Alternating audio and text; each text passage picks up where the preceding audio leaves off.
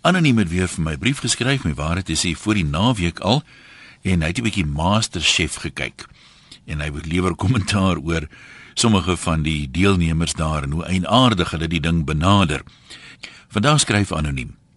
In sport is daar seker niks wat mense se verbeelding meer aangryp as 'n span wat teen alle verwagting in afreken met veel meer geroemde teenstanders nie of 'n sportster wat uit 'n beskeie agtergrond kom en dan sy halwe kans aangryp om bo sy omstandighede uit te styg.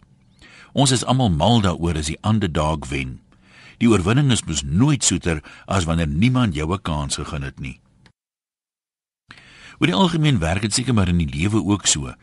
Niemand kyk op as 'n ouetjie wat ryk geërf het suksesvol voortgaan om die besigheid wat sy pa van die grond af opgebou het verder uit te bou nie maar die rags to riches stories van iemand wat as kind gesweer het hy gaan sy kinders 'n beter lewe gee en net verseg het om sy droom prys te gee al was omstandighede hoe moeilik boei ons altyd hieraan dink ek nou die antwoord na die eerste episode van MasterChef Suid-Afrika kyk Dit sal wonderlik wees as iemand wat daar opdaag met net 'n knipmes en 'n droom maande later gekroon word as kampioen wat kan tower met geure.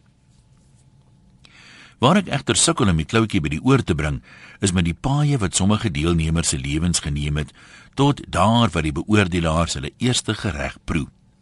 Ek ken 'n paar chefs wat so passievol is oor kos dat hulle vroeg in hulle lewens geweet het hulle wil niks anders doen nie. Dus het hulle as kelners begin werk net om in 'n restaurantomgewing te kan werk en solank 'n bietjie met die oë te steel. Party het aardappels geskil en skottelgoed gewas net om te voel hulle is deel van die kombuisspan. Dok Craven het mos altyd gesê, "You can't keep a good man down." En spoedig het die chef besef hy het hier met iemand te doen wat tot meer in staat is. So word die eerste beskeie tree van 'n vervullende loopbaan dikwels gegee.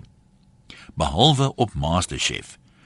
Daar bars 'n deelnemer maklik in trane uit as die beoordelaars die eerste happie van sy eerste gereg proe. Dit blyk dan dat die kandidaat se trane uit desperaatheid spruit. Sy lewensdroom was nog altyd om 'n chef te wees.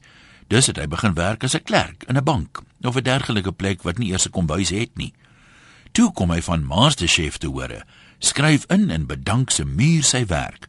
Skynbaar bloot in afwagting van die kompetisie. Dis nie eintlik duidelik hoekom hy verwag om te wen nie. Wat wel duidelik is, is dat hy moet wen. Anders lê sy droom aan skerwe. As die beoordelaars hom nie keur vir die top 100 nie, is sy lewe basies verby. Hy kan nie sy werk weer terugkry nie en dit sal natuurlik ook beteken dat hy nooit 'n chef sal kan word nie. Mense wat as dit ware hulle drome eet, slaap en leef, vind altyd 'n plek om te begin. Al is dit te veel beskeier begin as wenner van 'n TV-kompetisie. Dis wonderlik om jou drome na te jaag, maar dalk moet 'n mens maar ten minste een voet op die grond hou as jy met jou kop in die wolke loop of hoe. Groete van oor tot oor. Anoniem.